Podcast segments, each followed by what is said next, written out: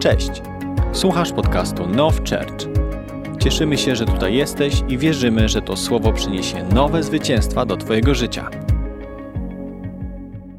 w pewnym kościele, w pewnym kraju, za górami, za lasami, a pastor pod koniec nabożeństwa e, wydał pewny, pewien komunikat do kościoła. Powiedział: Kościele, za tydzień rozpoczyna się nowa seria nauczań. Ta seria będzie skierowana przeciwko kłamstwie, ponieważ wierzę, że Bóg chce zrobić porządek w naszym kościele. Będziemy wykorzeniać, walczyć z kłamstwem. Także, kochani, ja jestem bardzo podekscytowany, ale żeby to się mogło zadziać, chciałbym Wam zlecić pewną pracę domową.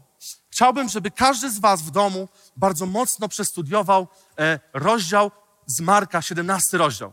Wiecie, i zakończył tym kazaniem, tym ogłoszeniem. Tydzień później, kiedy rozpoczęła się jego czas, kiedy mógł się podzielić, wiecie, powiedział, Kościele, zanim przejdziemy dalej, chciałbym zadać wam pytanie, kto odrobił lekcję? Kto przeczytał Marka 17 rozdział? I wiecie, trzy czwarte kościoła podnieśli ręce i pastor mówi, o jać, to mamy naprawdę mocny problem w kościele z kłamstwem, ponieważ Marka ma tylko 16 rozdziałów, także kochani,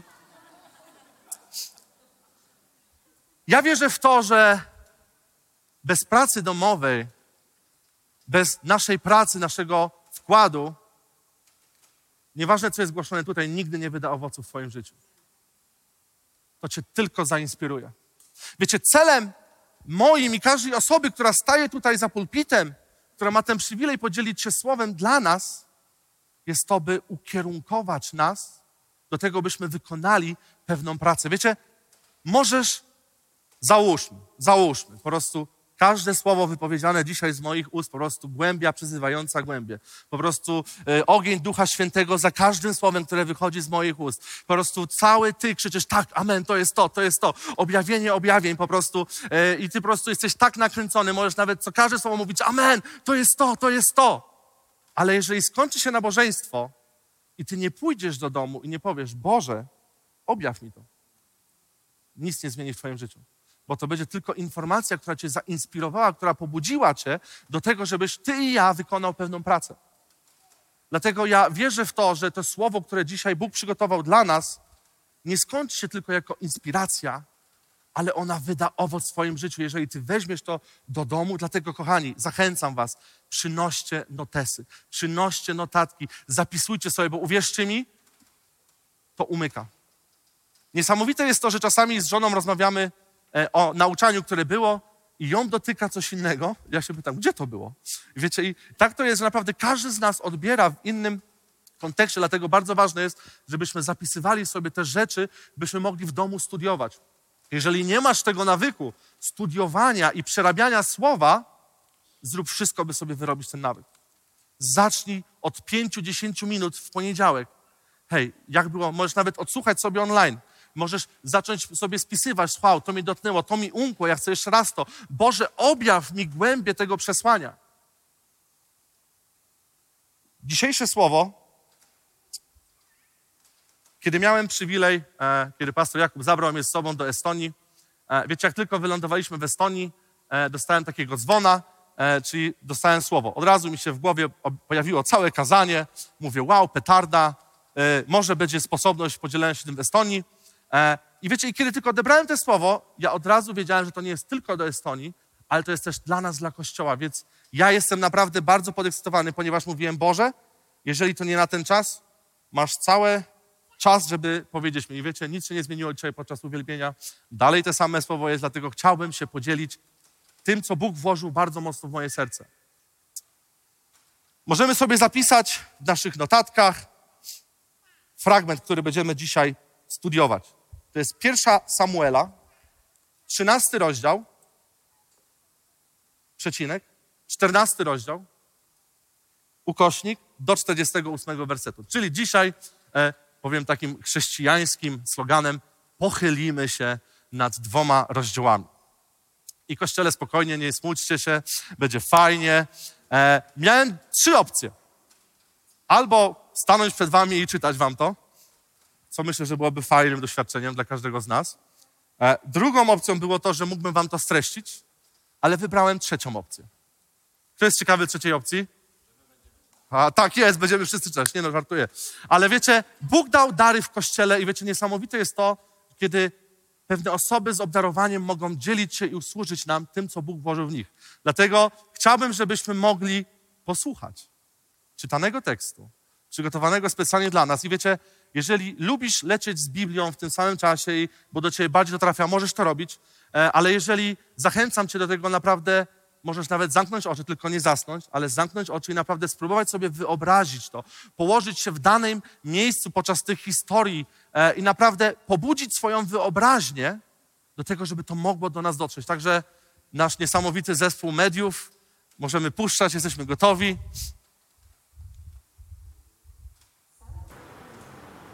Saul królował już rok, a gdy królował dwa lata nad Izraelem, wybrał sobie trzy tysiące ludzi z Izraela.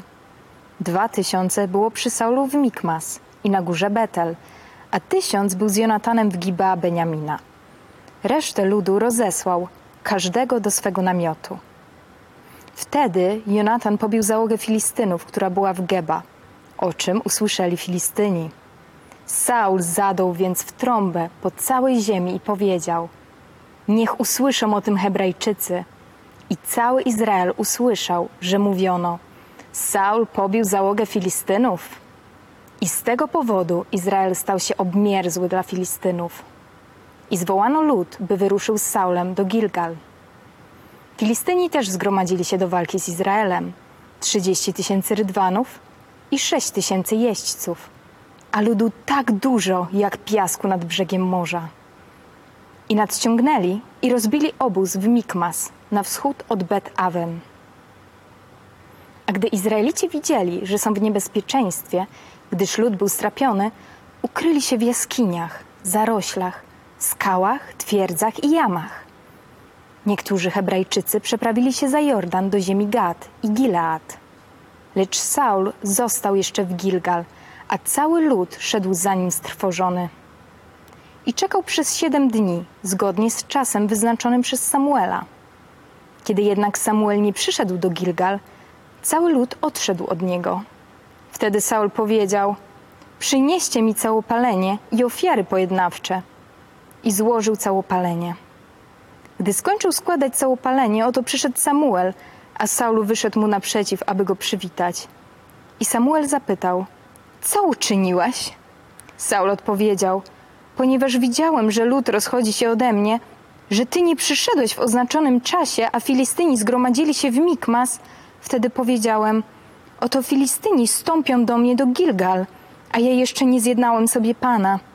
Przezwyciężyłem się więc i złożyłem całopalenie.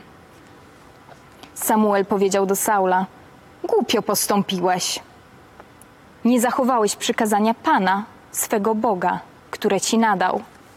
Pan bowiem teraz utwierdziłby Twoje królestwo nad Izraelem aż na wieki. Lecz teraz Twoje królestwo się nie ostoi. Pan wyszukał sobie człowieka według swego serca i Pan ustanowił go wodzem nad swoim ludem, gdyż nie zachowałeś tego, co Ci Pan nakazał. Wtedy Samuel wstał i wyruszył z Gilgal do Gibea Beniamina. I Saul policzył lud, który znajdował się przy nim. Było ich wszystkich około sześciuset mężczyzn. Saul więc i jego syn Jonatan oraz lud, który znajdował się przy nich, zostali w Gibea Beniamina. Filistyni zaś rozbili obóz w Mikmas. I łupieżcy wyszli z obozu Filistynów w trzech oddziałach. Jeden oddział skierował się w stronę Ofry, do ziemi Szaul. Drugi oddział skierował się w stronę Bet-Horon. Trzeci oddział udał się w stronę granicy przylegającej do Doliny Seboim, ku pustyni. Lecz w całej ziemi Izraela nie było żadnego kowala, bo Filistyni mówili: Niech Hebrajczycy nie robią mieczów ani włóczni. Cały Izrael schodził więc do Filistynów, by każdy naostrzył sobie swój lemierz, redlicę, siekierę i motykę. Mieli bowiem tylko pilnik do ścierania lemieszy, motyk, wideł, siekier i ościeni. Tak więc się stało, że w dniu bitwy nie można było znaleźć miecza ani włóczni w ręku całego ludu – który był z Saulem i Jonatanem. Znajdowały się tylko u Saula i jego syna Jonatana. A załoga Filistynów wyruszyła na przełęcz Mikmas. Pewnego dnia Jonatan, syn Saula, powiedział do swego giermka: Chodź, Pójdziemy do załogi Filistynów, która jest po tamtej stronie. Lecz swemu ojcu nic o tym nie powiedział. Saul zaś pozostał na krańcu Gibea pod drzewem granatu, które było w Migron. A lud, który był z nim, liczył około 600 mężczyzn. A Achiasz, syn Achituba, brata Ikaboda, syna Pinhasa, syna Helego, kapłana pana w Shilo nosił wtedy efot. Lud zaś nie wiedział, że Jonatan odszedł. Między przełęczami, gdzie Jonatan chciał przejść do załogi Filistynów, była ostra skała po jednej stronie i ostra skała po drugiej stronie. Jedną z nich nazwano Boses, a drugą Senne. Jedna skała była zwrócona na północ, naprzeciw Mikmas, a druga na południe, naprzeciw Gibea. I Jonatan powiedział do swego giermka: Chodź, pójdziemy do załogi tych nieobrzezanych. Może pan zadziała dla nas, gdyż panu nie trudno wybawić przez wielu czy przez niewielu. Jego giermek odpowiedział mu: Czyń wszystko, co jest w twoim sercu. Idź. Oto ja jestem z tobą według twojej woli. Wtedy Jonatan powiedział: Pójdziemy do tych ludzi i pokażemy się im. Jeśli powiedzą nam: Czekajcie, aż przyjdziemy do was, to zatrzymamy się na swoim miejscu, nie pójdziemy do nich. Lecz jeśli powiedzą: Chodźcie do nas, to pójdziemy, gdyż Pan wydał ich w nasze ręce. To będzie dla nas znakiem. Pokazali się więc obaj straży filistyńskiej i Filistyni powiedzieli: Oto Hebrajczycy wychodzą z nor, w których się ukryli. I ludzie ze straży odezwali się do Jonatana i Giermka: Podejdźcie do nas, a pokażemy wam coś. Jonatan powiedział do swego Giermka: Chodź za mną, gdyż Pan wydał ich w ręce Izraela. Jonatan wspinał się na swych rękach i nogach, a jego giermek szedł za nim. I padali przed Jonatanem, a jego giermek idący za nim dobijał ich. To była pierwsza klęska, jaką zadali Jonatan i jego giermek. Zabili około 20 ludzi na przestrzeni około morgi pola. I padł strach na obóz w polu i na cały lud. Przerazili się także załoga oraz łupieżcy, a ziemia zatrzęsła się, wywołując wielką trwogę. I strażnicy Saula w Gibea Beniamina zobaczyli, że tłum się rozpieszł i biegł w bezładzie. Wtedy Saul powiedział do ludu, który był przy nim: Dokonajcie przeglądu i zobaczcie, kto od nas odszedł. A gdy dokonali przeglądu, okazało się, że nie było Jonatana i jego giermka. Saul powiedział do Achiasza: Przynieś arkę Boga, gdyż arka Boga była w tym czasie u synów Izraela. Kiedy Saul jeszcze mówił do kapłana, zamieszanie w obozie filistyńskim trwało i coraz bardziej się wzmagało. Saul powiedział więc do kapłana: Cofnij rękę.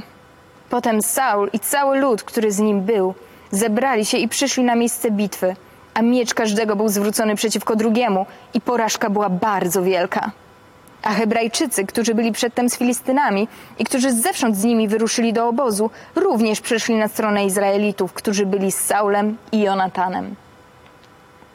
Wszyscy też Izraelici, którzy ukryli się na górze Efraim, gdy usłyszeli, że Filistyni uciekają, wyruszyli za nimi w pościg w tej bitwie.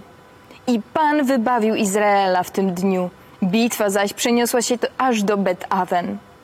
A Izraelici byli strudzeni w tym dniu.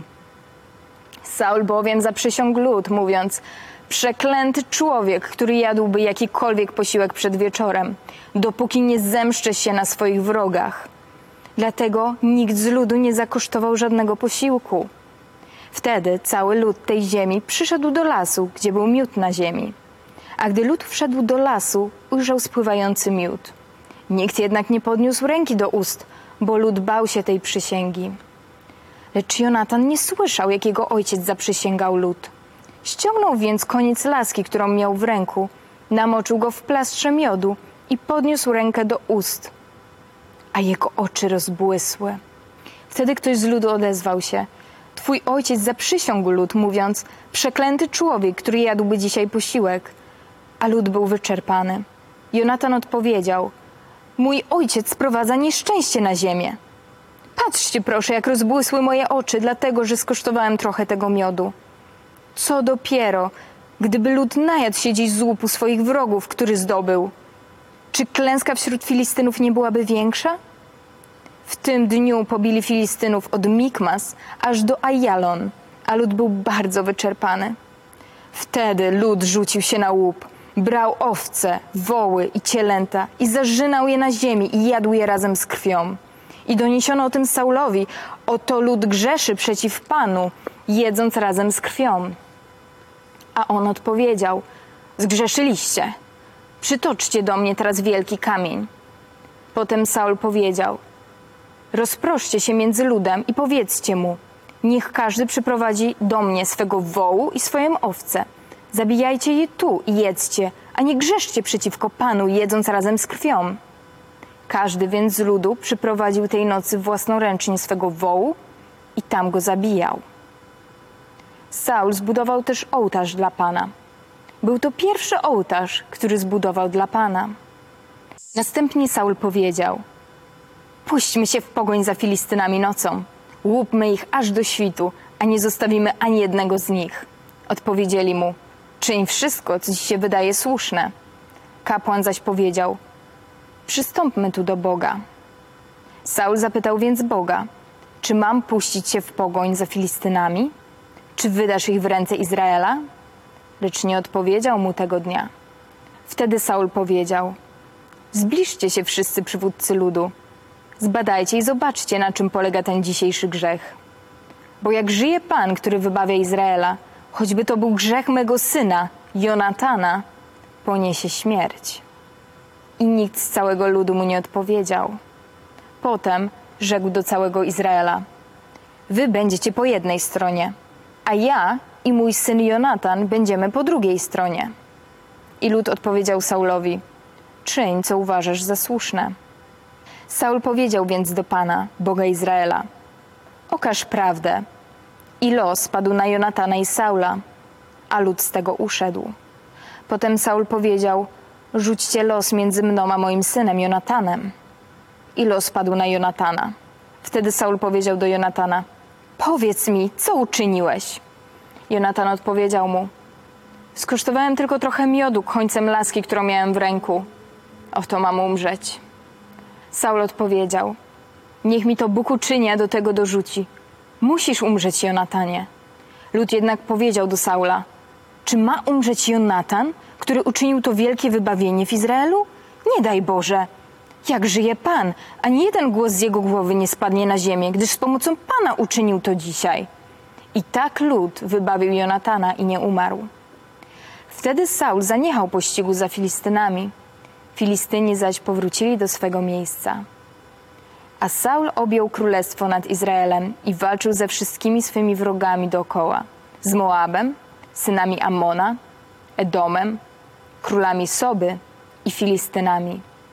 I gdziekolwiek się zwrócił, zwyciężał.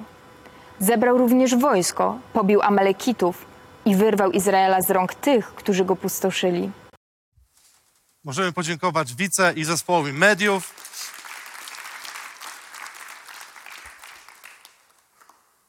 Wiecie, dla mnie to jest niesamowita skarbnica wiedzy te dwa rozdziały.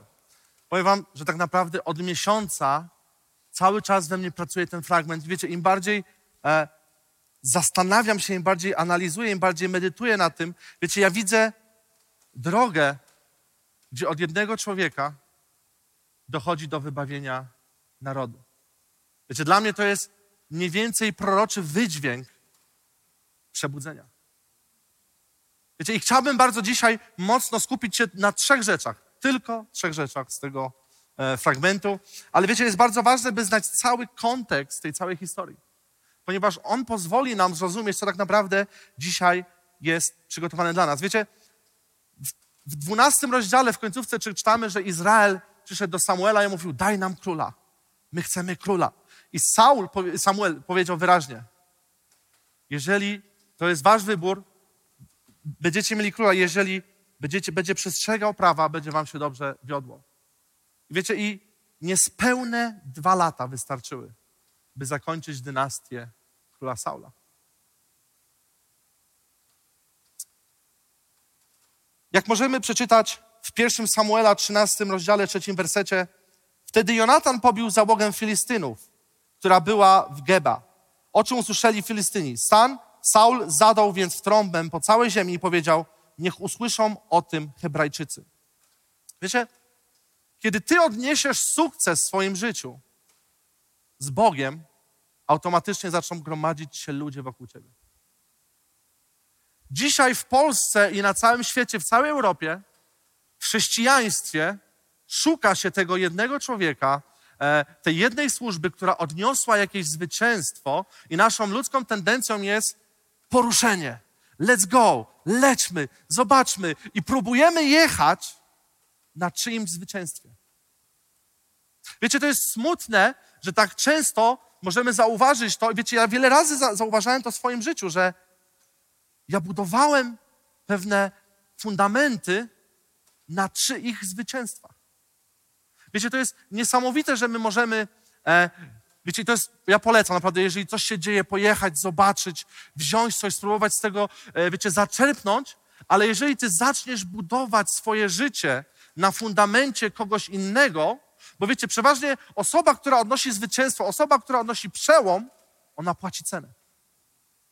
My dzisiaj zmiksowaliśmy to chrześcijaństwo, my dzisiaj zmiksowaliśmy to do tego, że próbujemy nie płacąc ceny jechać na czyimś błogosławieństwie. To jest nasza tendencja, ponieważ dzisiaj żyjemy w świecie, gdzie jest cały czas nam podprogowo wciskane łatwo, im szybciej, tym lepiej, bez płacenia ceny. Najlepiej zrobić wszystko, żeby było bez wysiłku, typu wiecie, odchudzanie bez ćwiczeń, e, od, magiczne tabletki, magiczne zastrzyki. Jak zrobisz to, to już nic nie musisz, wiecie. I dzisiaj to jest podprogowy przekaz, który jest cały czas nam wszczepiany. E, gdziekolwiek się obejrzysz, jest cały czas mówione. Teraz zasługujesz, musisz, to się tobie należy, e, cena, nie musisz płacić ceny, są skróty, wiecie, są streszczenia. Ja pamiętam w szkole, e, przez to, że w różnych szkołach byłem, ale była jedna e, nauczycielka języka polskiego, która potrząsła moim światem, e, mianowicie u niej bardzo ważne było czytanie lektur. Ja z reguły nie lubię czytać, e, ale wiecie, to była jedyna nauczycielka, u której nie dało się oszukać. Wiecie, ona wszystkie streszczenia czytała. Ona wszystkie streszczenia przeczytała i ja, wiecie, pamiętam pierwszą e, sprawdzian z lektury, był to pan Tadeusz. E, streszczenie przeczytałem dosłownie 20 minut przed lekcją i mówię, tak jest, jedziemy tak jak zawsze, w sensie nie polecam, to jest naprawdę, ja pokutuję. E, to nie jest dobry przykład, ale wiecie, ja miałem tendencję, tak, 20 minut, tyle wystarczy, e, nawet prawie dwa razy mi się udało, więc mówię, to wystarczy. I wiecie, i ta nauczycielka zadała takie pytania, mówię, kurczę, jak nie było w streszczeniu, tej informacji nie było w streszczeniu. Na przykład, ile jezior było w Soplicowie? To pamiętam do dziś. Ja mówię, no kurczę, w streszczeniu nie było takiej wiedzy. Więc mówię, a dobra, może pierwsze takie, ale każde jej pytanie omijało wszystkie streszczenia. Druga lektura, mówię, okej, okay, rozszerzone streszczenie.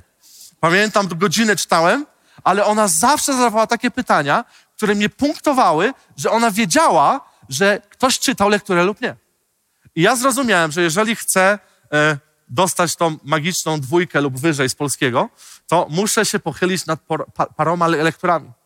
I jestem jej wdzięczny za to, bo na maturze mi to bardzo pomogło. Ale wiecie, my mamy tendencję do tego, że próbujemy zastosować streszczenie czyjegoś życia do swojego życia. I później najgorsze jest to, że dziwimy się, czemu nie ma owoców, czemu nie ma efektów. A zobaczmy, co powoduje, kiedy próbujemy jechać na czyimś zwycięstwie. Ponieważ kiedy Jonatan odniósł zwycięstwo w bitwie, Saul, widząc to, powiedział: To jest ten moment.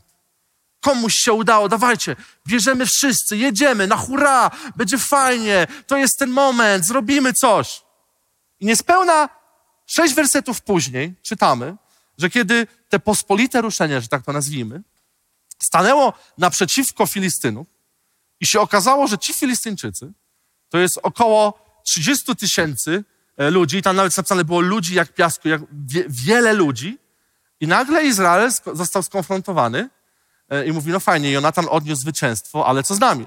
I jak czytamy w 13 rozdziale, w 6 wersecie, a gdy Izraelici widzieli, że są w niebezpieczeństwie, gdyż lud był strapiony, ukryli się w jaskiniach, zaroślach, skałach, twierdzach jamach.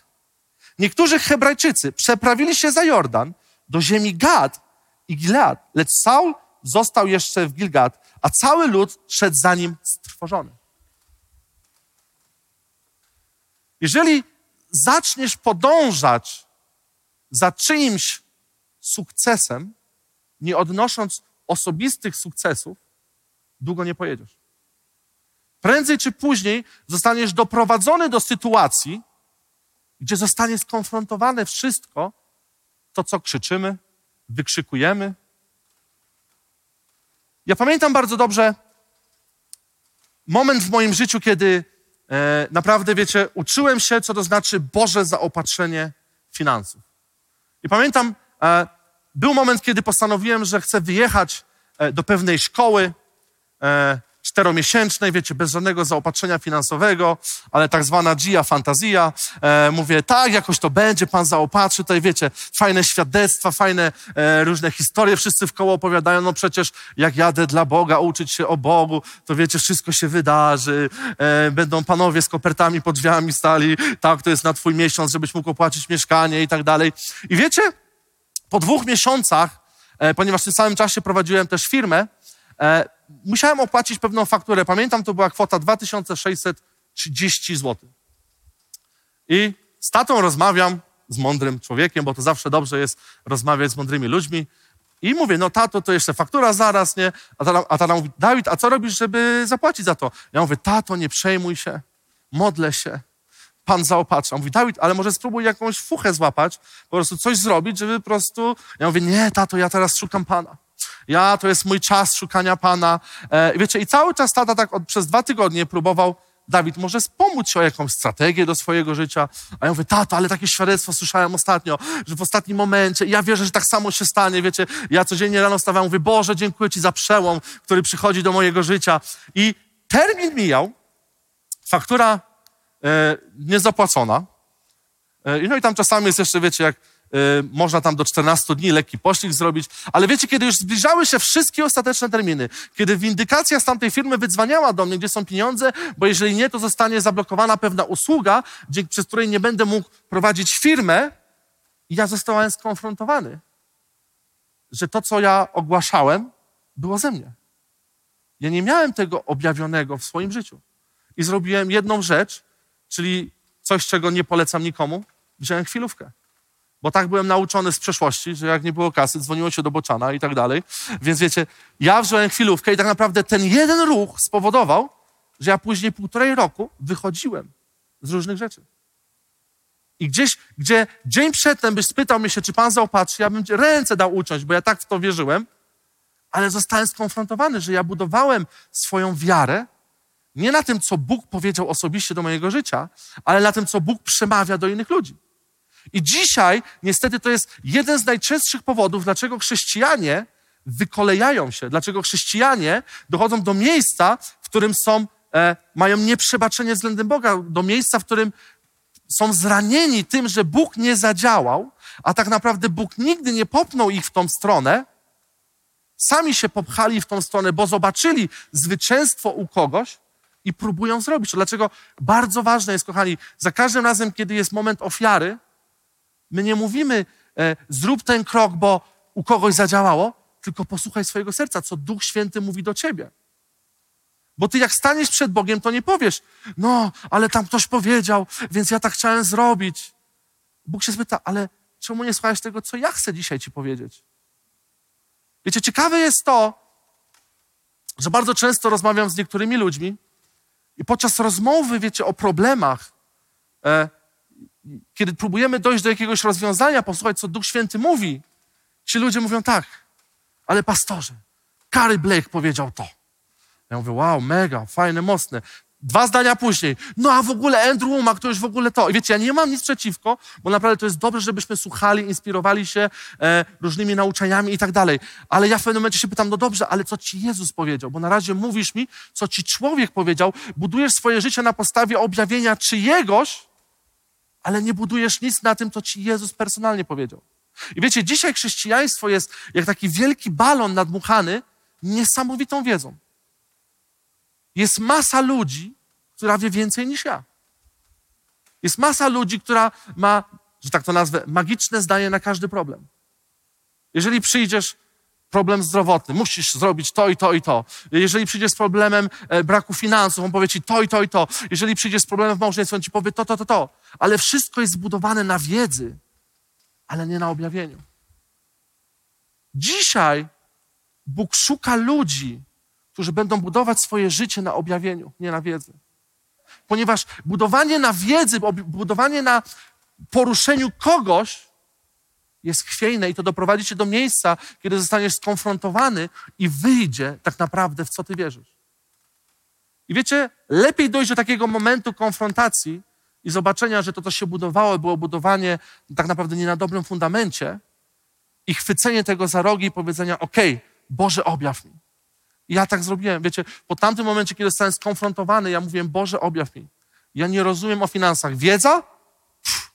Historię? Przez godzinę mógłbym opowiadać wam czyjeś świadectwa.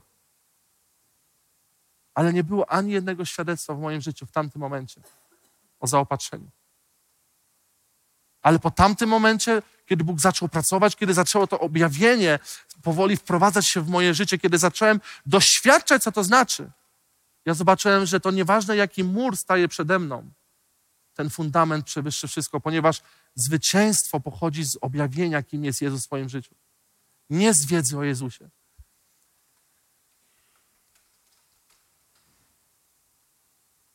Wiecie, to jest jeden problem, który naprawdę bardzo mocno pracuje w moim sercu. Że my, jako Kościół, jako Now Church, musimy dojść do miejsca, w którym nie będziemy budować swojego życia, swoich przełomów, swoich sukcesów na bazie czyichś świadectw, bo to jest dobre, żeby być zainspirowanym, że to faktycznie działa, ale my powiemy, hej, ja zrobię swoją, swoje zadanie domowe, ja zrobię swój homework, czyli to odrobię swoją pracę w domu, w komorze, kiedy nikt nie widzi. Ja się będę pytał, Boże, jaki jest klucz do mojego życia, jaki jest klucz do mojego zwycięstwa, jaki jest klucz do mojego przełomu, jaki jest klucz do objawienia, bo ja chcę budować na czymś, co jest prawdziwe, a nie budowaniu na emocjach, na tym, że ktoś powiedział, mi się spodobało. Ja byłem w tych miejscach wiele razy. W swoim życiu miałem trzy momenty, kiedy rozdałem wszystko, co miałem. Wszystko. Auto, telefon, laptopa, ciuchy. Dwa z nich były emocjonalne. Wiem. Po czasie zrozumiałem to. Jedno było kierowane przez Ducha Świętego i to przyniosło niesamowity owoc w moim życiu. Wiecie, a dzisiaj jest wiele ludzi, którzy robi krok według nich wiary, bo to jest wiara. Tylko niestety wiara w patent czyjegoś człowieka, a nie wiara w Boga. Dlatego, Kościele, zachęcam Was. Szukajmy swoich przełomów, naprawdę odrabiajmy, bierzmy to, co jest mówione tutaj za pulpitu i przerabiajmy to w domu, studiujmy, analizujmy, mówmy, Boże, objaw mi to. Ja nie chcę, żeby to była tylko wiedza, bo wiedza cię wykolei prędzej czy później. Wiedza doprowadzi cię do miejsca, gdzie zostaniesz skonfrontowany i wtedy wyjdzie, czy budujesz na Bogu, czy budujesz na czyimś poruszeniu. Nie bądźmy jak Izrael, który czeka na Mojżesza. Jest jeden człowiek, który płaci cenę, a my się zgromadźmy i pojedźmy na jego namaszczeniu, obdarowaniu.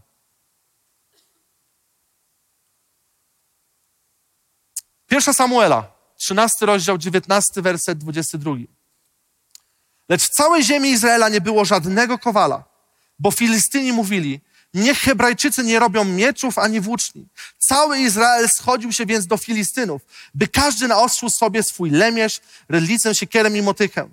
Mieli bowiem tylko pilniki do ścierania, lemieszy, motyk, wideł, siekier i ościeni. Tak więc się stało, że w dniu bitwy nie można było znaleźć miecza ani włóczni w ręku całego ludu, który był z Saulem i Jonatanem. Znajdowały się tylko u Saula i jego syna Jonatana. Cały Izrael został ograbiony ze wszystkiego, co miało jakąkolwiek siłę sprawczą. Zostały tylko dwa miecze. U Saula i Samuela. Wiecie, dla mnie symbol miecza, i to jest to, co gdzieś bardzo mocno odbieram, to jest właśnie ten symbol namaszczenia, to jest ten symbol e, mocy sprawczej. Wiecie, i to jest smutne, że dzisiaj kościoły generalnie, nie wszystkie, bo ja widzę, że naprawdę jest niesamowite poruszenie i to się bardzo zmienia w naszym kraju, ale jest wiele kościołów, które gromadzą się wokół jednej osoby. Wiecie, tak jak możemy czytać później, tam jest napisane, że siedzieli, Saul siedział pod drzewem granatu i siedziało z nim 600 mężów, którzy, wiecie, cieszyli się tym, że jest jeden miecz. Ja lubię sobie wyobrażać, ja lubię sobie e, wyobrażać, jak oni się mogli czuć. Wiedząc, że wróg jest naprzeciwko nich. Siedzi 600 chłopa, wojowników, bo to, jak możemy czytać wcześniej, Saul zawsze wybierał ludzi. Jak ktoś się wykazywał w czymś, on zawsze mówił, chodź, ja chcę ciebie do siebie. On się otoczył najlepszymi ludźmi z Izraela. To byli wojownicy, wojowników, najlepsi, najprzedniejsi ludzie z całego Izraela. I siedzieli 600 mężczyzn, podziwiając jeden miecz. Ja bym zrobił tak, jakbym był tym jednym z 600, zobaczyłbym, że się coś dzieje, podbiegłbym do Saula i powiedział, Saulu, Saulu, królu, chociaż tylko dotknę na sekundę tego miecza, żeby się dobrze poczuć. O tak, mamy jeden miecz, halleluja. Kościele, oddajmy Bogu chwałę, jest jeden miecz pośród nas. Jedna osoba, która przeżywa jakieś przełomy w swoim życiu. Gromadźmy się wokół niej. Nieważne, że tam, wiecie, cały naród powstaje przeciwko nam, ale siedźmy pod tym pięknym granatem, rozkoszujmy się, no bo przecież jest jeden miecz. Jak to się stało, że zostało tylko dwa miecze w całym Izraelu? Ponieważ Filistyni, oni wiedzieli, że jak rozbroją naród, oni już wygrali. Izrael bez mieczy, bez broni jest bezbronny. To jest banda farmerów z kijami, tak naprawdę. Wystarczyło, że zabrali kowali, że znikły kuźnie z całego Izraela. Co to oznacza? Dla mnie kuźnia jest niesamowitym proroczym obrazem Kościoła. Jeżeli przeciwnik dzisiaj rozbroi kuźnię, rozbroi kościoły, przegraliśmy jako naród. Pamiętam,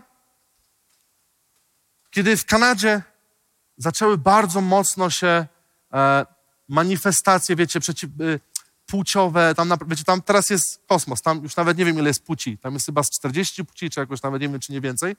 I wiecie, i ktoś powiedział, no ale jak Bóg mógł dopuścić do tego? I wiecie, pewien człowiek powiedział tak, Bóg nie dopuścił do tego. Kościół dopuścił. Jeżeli w Twoim kraju, jeżeli w naszym kraju dzieje się coś złego, to nie dlatego, że Bóg dopuścił, ale dlatego, że Kościół śpi.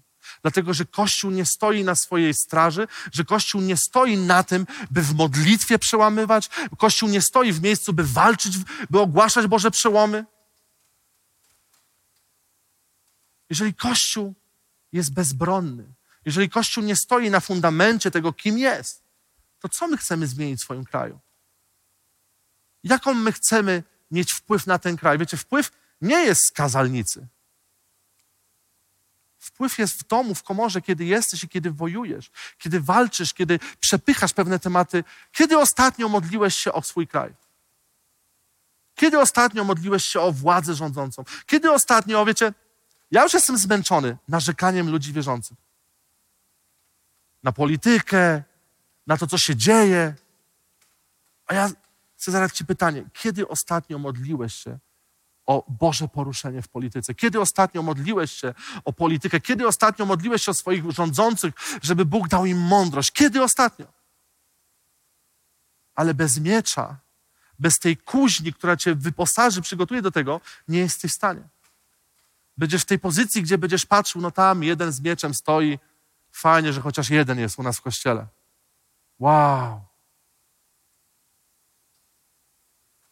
Bóg powołał Kościół do tego, żeby kształtować mnie i Ciebie.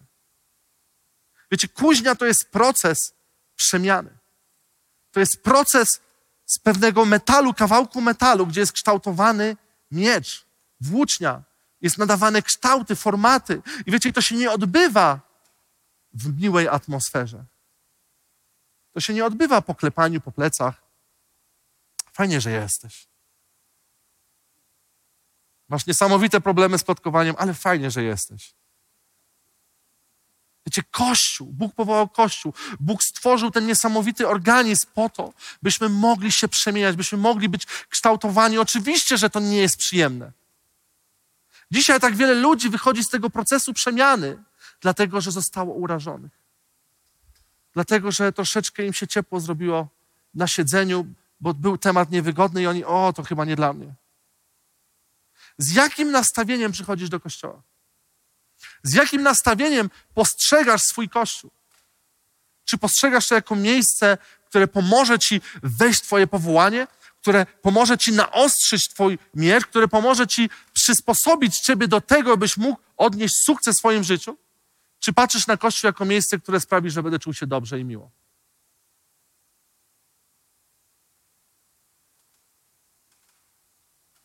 Edukacja w moim życiu była zawsze ciekawym miejscem, że tak to nazwę. Największa celebracja w moim domu była, kiedy w ostatniej klasie maturalnej przyszedłem do rodziców i powiedziałem koniec. To był największy celebracja w moim domu. Rodzice byli przeszczęśliwi. Ale jedną rzecz widzę z ubiegiem czasu. Moja postawa od początku była zła w szkole. Ja nie szedłem do szkoły, by się uczyć. Ja chodziłem do szkoły, by mieć zabawę, fan.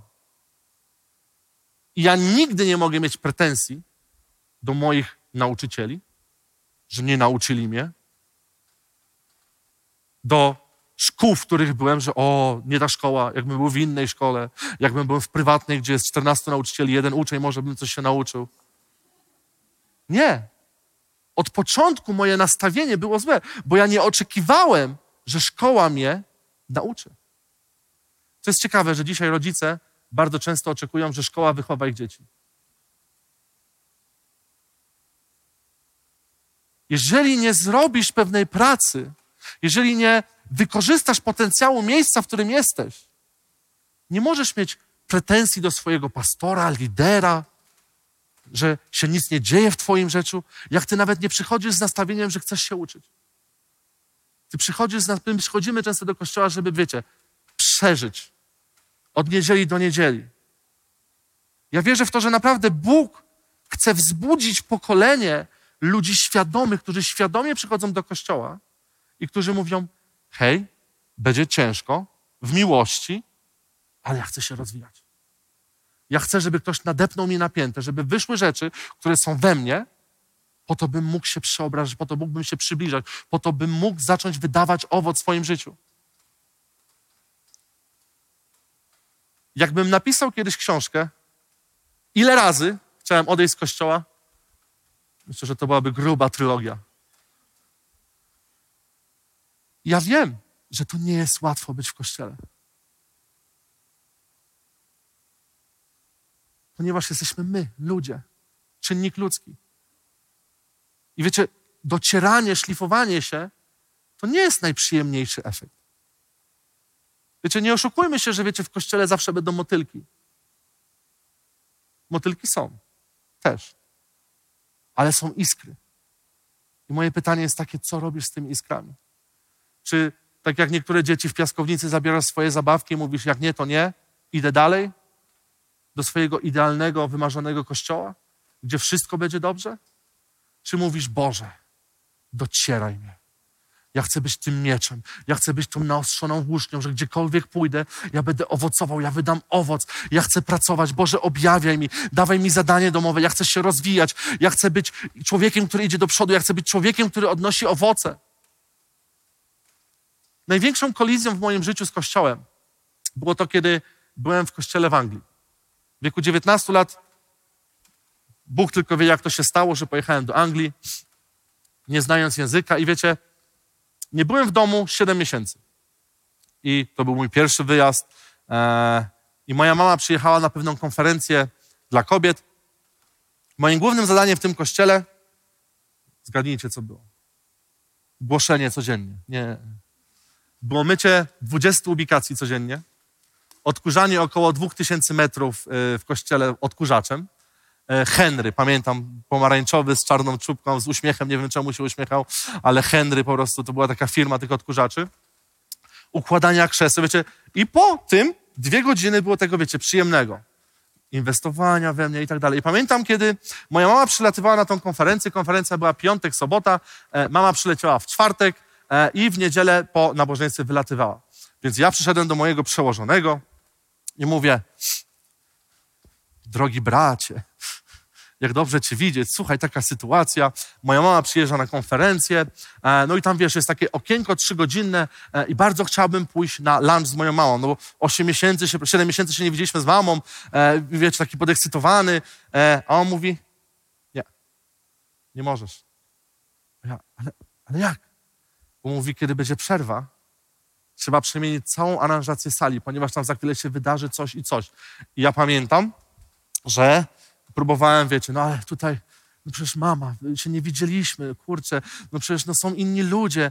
On mówi, nie, Dawid, ty jesteś odpowiedzialny za to.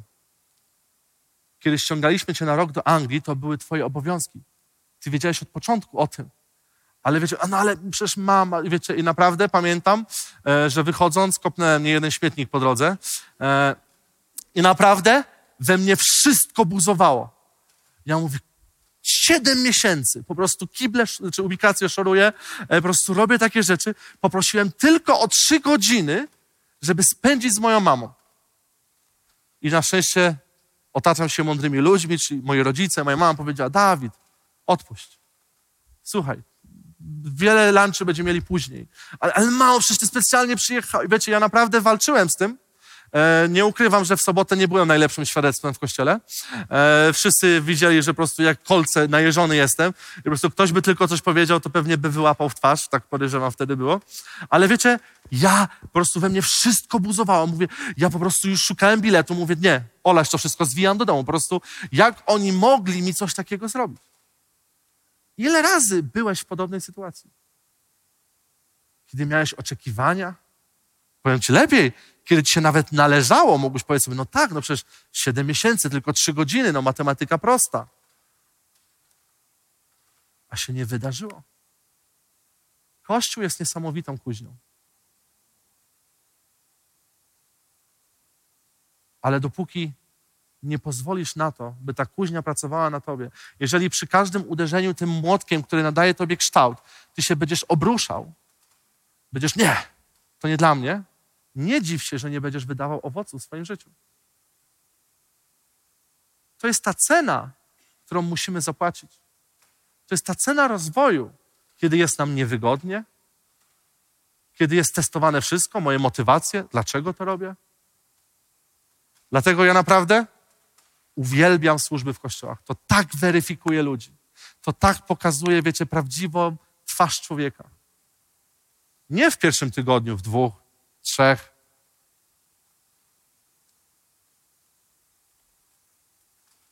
Wiecie, i to jest to, co mówiłem na początku. Wiecie, pamiętam, było parę takich sytuacji, kiedy, bo to bardzo często jest, że wiecie, że niektórzy mówcy mówią o tym, ja pamiętam, wszystkie krzesła w kościele ustawiałem.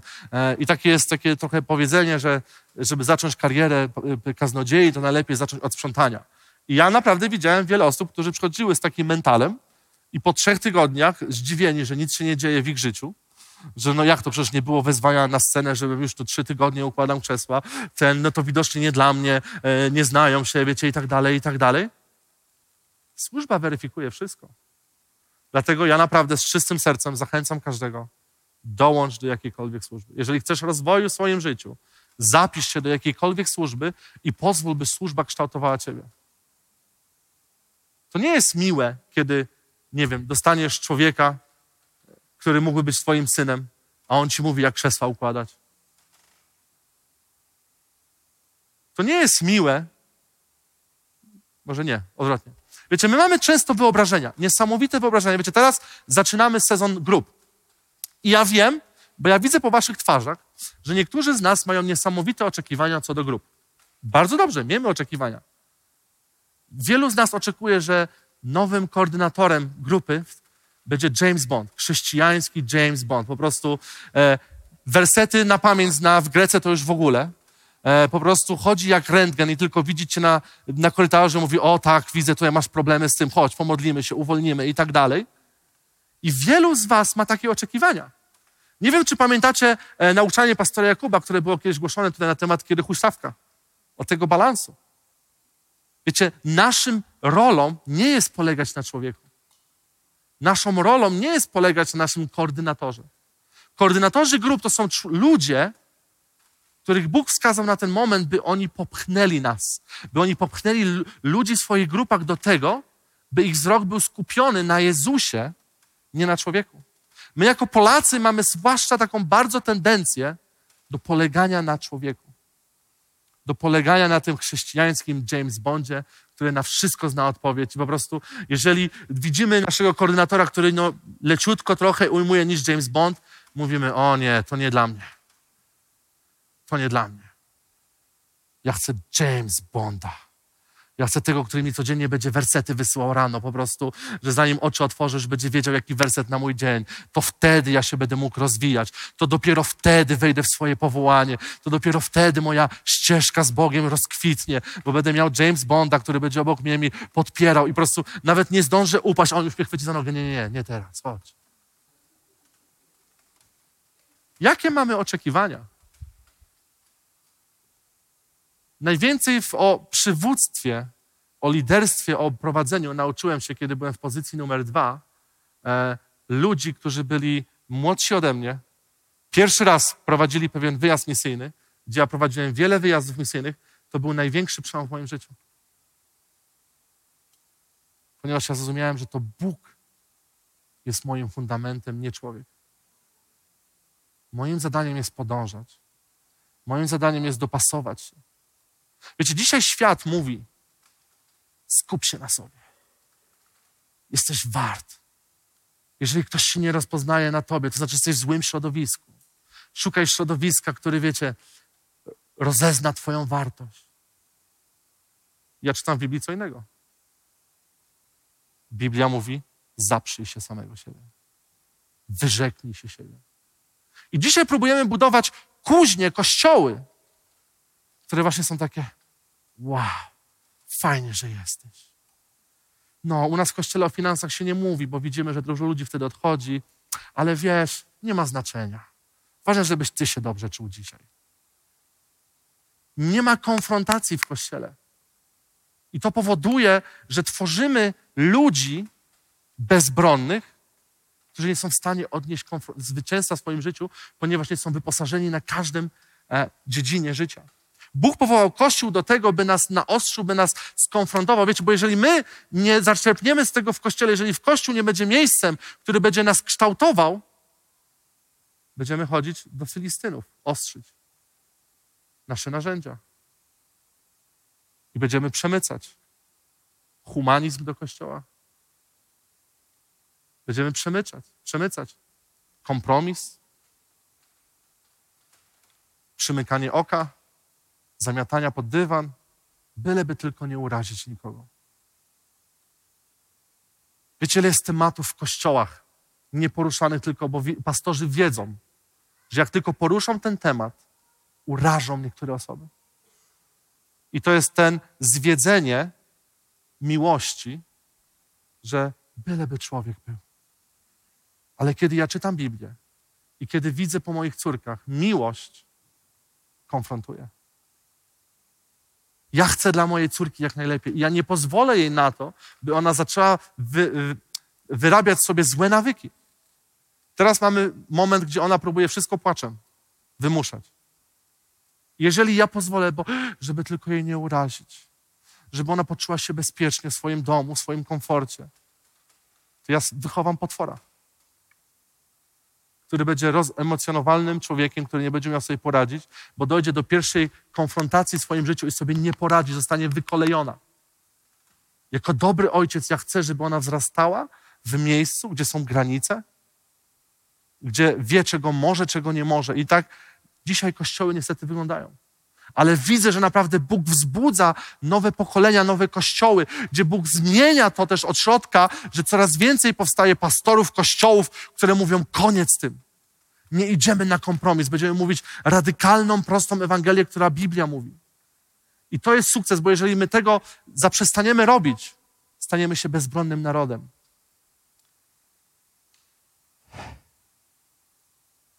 I ostatni Pierwsza Samuela, czternasty rozdział, szósty werset. Jonatan powiedział do swojego giermka, chodź, pójdziemy do załogi tych nieobrzezanych. Może Pan zadziała dla nas, gdyż Panu nie trudno wybawić przez wielu czy przez niewielu.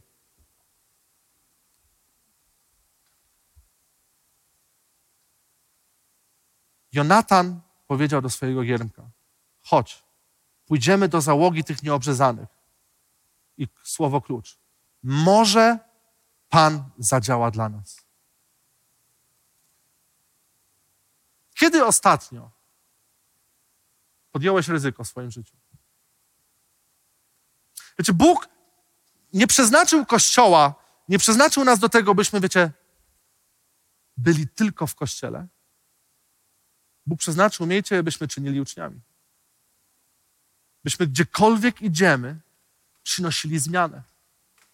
Kiedy ostatnio stanąłeś tak jak Jonatan, wziąłeś swój miecz i powiedziałeś, może dzisiaj Pan coś zrobi przez ten miecz. Może dzisiaj Pan użyje mojego obdarowania po to, by przynieść przełom do czyjegoś życia.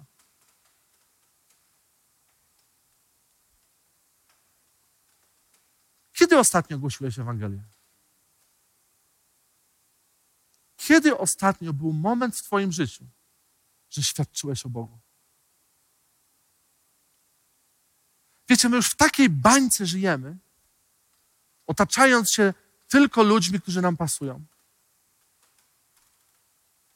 Kiedy ostatnio stanąłeś naprzeciwko kogoś i powiedziałeś: Hej, Jezus Cię kocha. Jezus ma plan dla Twojego życia. Wielu z nas chce widzieć cuda w swoim życiu. Amen? Kto chce widzieć cuda? Dobrze, podchwytliwe pytanie. Kiedy ostatnio modliłeś się o uzdrowienie? Kiedy ostatnio, kiedy w Twojej pracy, w szkole ktoś narzekał, ale mnie plecy bolą?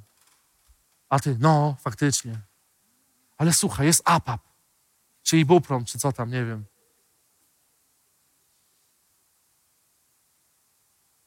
Ale są takie ćwiczenia. Jak zrobisz, to przestanie. A może powiedziałeś, nie przejmuj się. Trzy sekundy. Co trzy sekundy? Chodź. W imieniu Jezus bądź zdrów. Kiedy ostatnio zaryzykowałeś, podjąłeś tą inicjatywę i powiedziałeś, może dziś Bóg użyje mnie w mojej pracy, może dziś Bóg użyje mnie w mojej szkole, może dziś Bóg użyje mnie w mojej rodzinie. Oczywiście, że czekamy na moment, kiedy ręka pojawi się w pokoju i napisze: To dziś. Idź, posyłam cię. Znaki i cuda będą po prawej i po lewej.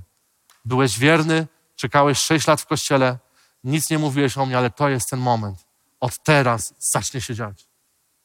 Wiecie, dla mnie niesamowitą historią jest historia Toda White'a. Trzy lata modlił się codziennie o uzdrowienie, nie zobaczył ani jednego uzdrowienia. Ani jednego. Ale powiedział: Nie odpuszczę. Nie odpuszczę. I otrzymał takie objawienie na temat uzdrowienia, że dzisiaj możemy czytać książki o jego cudach.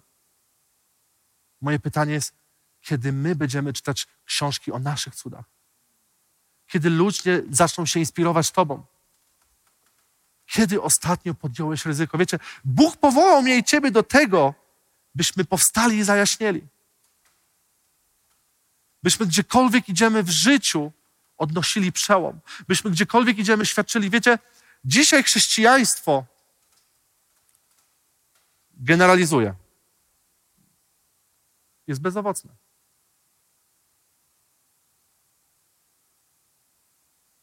To, o czym było mówione na ostatnim czasie poruszenia. Wiecie, to nie są przypadki, że my takie tematy poruszamy. To nie jest przypadek, że takie nauczania są mówione. Bóg chce, żebyś owocował. Bóg chce, żebyś zaczął wydawać owoc w swoim życiu. Bóg chce, żebyś powstał i wyszedł z kościoła i robił to, do czego cię Bóg powołał. Bóg nie powołał mnie i ciebie do tego, żebyśmy cuda czynili w kościele. Najpierw na zewnątrz. Wiecie, że większość cudów niesamowitych w moim życiu, gdzie miałem przywilej widzieć, wydarzyły się poza kościołem? 70-80%. W miejscach publicznych, w miejscach poza świętym miejscem kościołem. Kościół jest idealnym miejscem, by poczuć się bezpiecznie i spróbować swoich pierwszych kroków. Ale my musimy wyjść. Wiecie, Bóg nas powołał do ekspansji, do poszerzania królestwa, do działania, do wychodzenia. Wiecie, to jest. Wyobraźmy sobie, że w ciągu roku każdy z nas przyprowadza jedną osobę do Boga, do kościoła, do Boga. Tylko jedną. Czy to jest trudne w ciągu roku? Dotrzeć do jednej osoby. Jeżeli ktoś uważa, że to jest niemożliwe, zapraszam po kościele na rozmowę. Jeżeli uwierzyłeś w takie kłamstwo, że w przeciągu roku nie jesteś w stanie dotrzeć z Ewangelią do chociaż jednej osoby, nawet jeżeli nawróciłeś się dzisiaj na tym spotkaniu, jesteś w stanie dotrzeć do jednej osoby w przeciągu roku, minimum. Wystarczy Twoje nastawienie. Jakie dzisiaj mamy nastawienie? Czego oczekujemy od życia? Wiecie, Jonatan, jak czytamy później e, w 14, 14, to była pierwsza klęska, jaką zadali Jonatan i jego giermek. Zabili około 20 ludzi na przestrzeni około y, morgi pola. I padł strach na obóz w polu i na cały lud. Przeraże, prze, przeraziły się także załoga oraz łupieżcy, a ziemia zatrzęsła się, wywołując wielką trwogę. Wiecie, może dzisiaj mówisz, co to jest 20 wrogich żołnierzy w porównaniu do całej armii? Tam, tam były dziesiątki tysięcy żołnierzy. Jonatan i Giermek pobili tylko 20 ludzi. I ktoś powie, co to ma? To jest taka mikroskala zwycięstwa. Ale Bóg użył tej mikroskali zwycięstwa do tego, by wybawić cały naród. Może jesteś osobą na tym miejscu, którą Bóg chce użyć do tego, żebyś zrobił swoją tak zwaną mikrorobotę. No bo przecież porównujemy się do Reinharda Bonke, wiecie, 120 milionów, ten to dopiero, co ja tam, wiecie, jedną osobę, powiem, się nawrócił, wow, no fajnie, ale Polska ma 36 milionów ludzi, co ta jedna osoba? A może ta twoja jedna osoba jest ziarenkiem przebudzenia? Może ta jedna osoba przyniesie zniszczenie wrogich oddziałach. Nie bagatelizuj małych początków. Wiecie, jak później czytamy dalej w tej historii, tam było napisane, że kiedy Saul zobaczył popłoch w, obroga, w, w, w obozie wrogów, oni zebrali na nowo poruszenie numer dwa. Let's go, zobaczmy.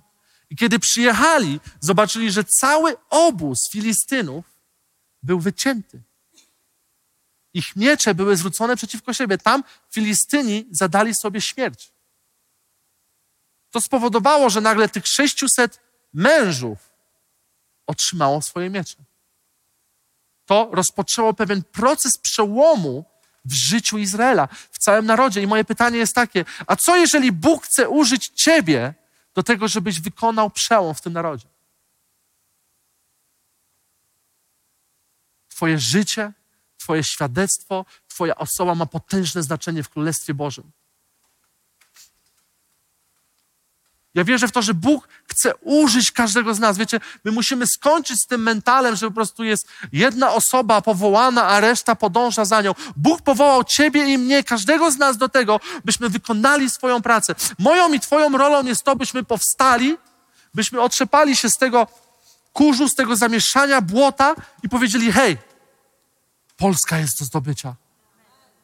Polska potrzebuje Zbawiciela. Polska potrzebuje usłyszeć. Wiecie, Biblia wyraźnie mówi, że całe stworzenie czeka na to, by synowie i córki zamanifestowały się.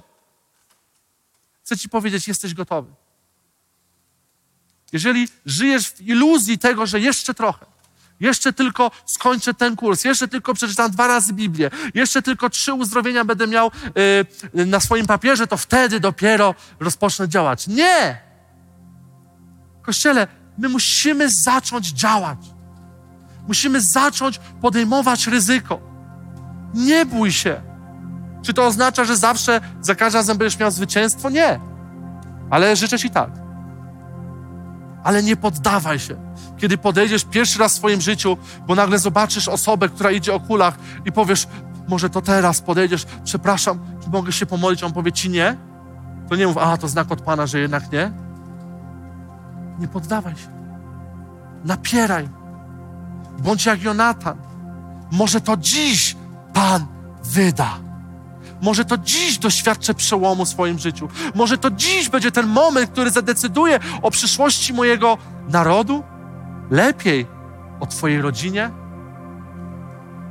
Może dziś zrobisz rzecz, która sprawi, że Twój mąż zobaczy zmianę w Tobie.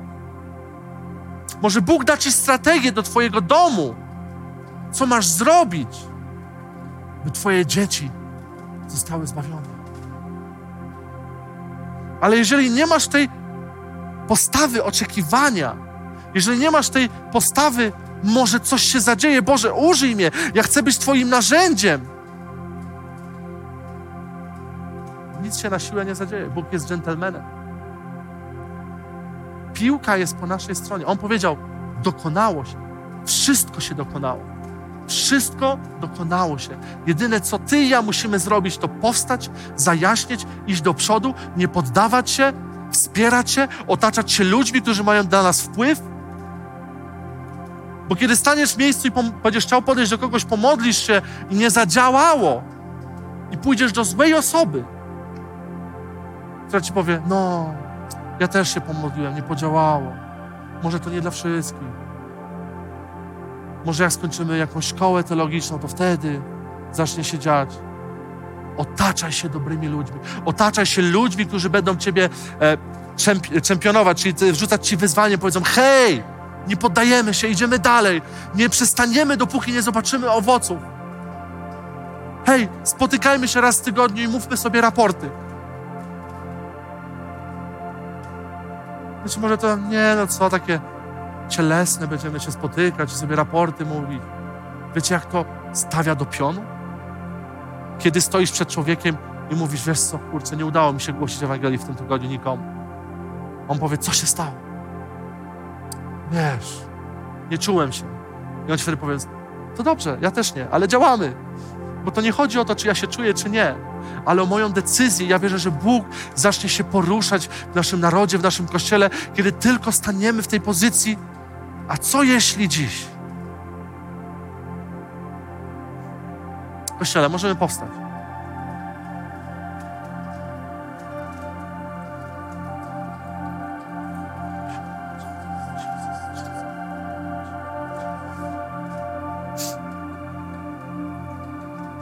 Były poruszane trzy dziedziny.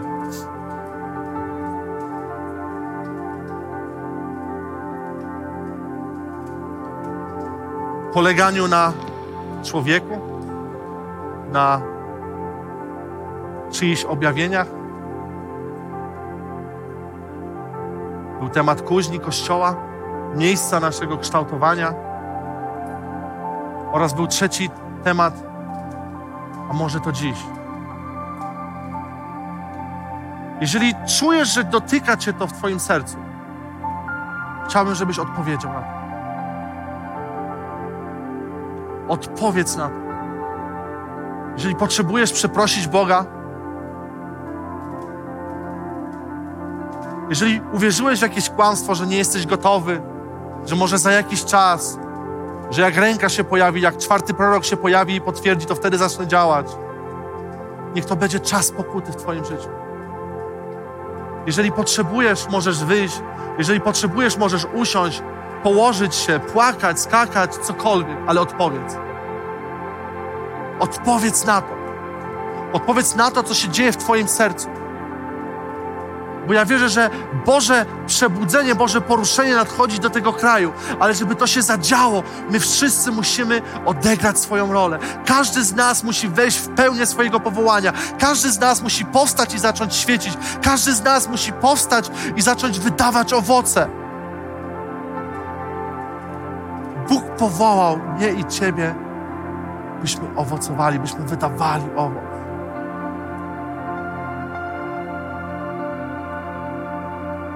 Halleluja. Duchu Święty, przenikaj.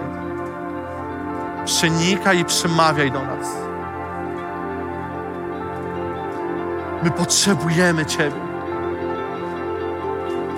Ojcze, jeżeli jakakolwiek z tych dziedzin dotyczy mnie, objawiaj mi. Ja chcę iść do przodu, ja chcę się rozwijać. Ja chcę odpowiedzieć na to, co Ty masz przygotowane.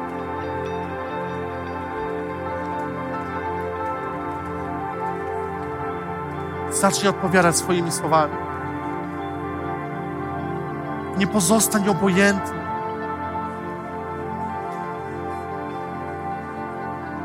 Bóg czekał na Ciebie i na mnie, byśmy wstali i zaczęli robić swoją robotę.